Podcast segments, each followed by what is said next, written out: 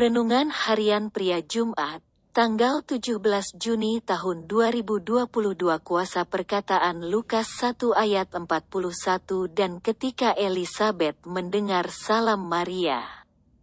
Melonjaklah anak yang di dalam rahimnya dan Elizabeth pun penuh dengan roh kudus.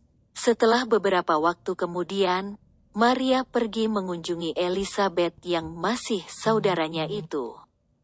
Ketika Maria masuk ke dalam rumah Elizabeth, Maria mengucapkan salam kepada Elizabeth.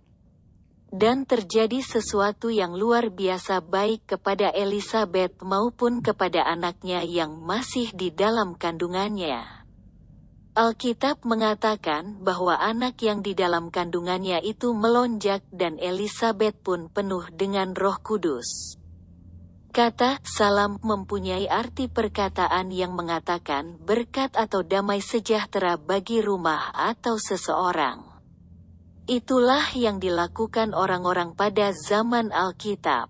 Dan Yesus pun menyuruh murid-muridnya untuk memperkatakan salam ketika mereka masuk ke dalam rumah orang dalam rangka memberitakan Injil. Matius 10 ayat 12 dan 13. Marilah kita petik kebenaran yang dahsyat dan luar biasa ini dari kisah salam Maria kepada Elizabeth. Perkataan-perkataan yang memberkati sangat besar kuasanya baik bagi kita yang memperkatakannya maupun bagi orang-orang lain yang mendengarkannya. Karena di balik setiap perkataan yang kita perkatakan ada kuasa. Entahkah itu kuasa untuk menghancurkan atau kuasa untuk membangun diri sendiri dan orang-orang lain.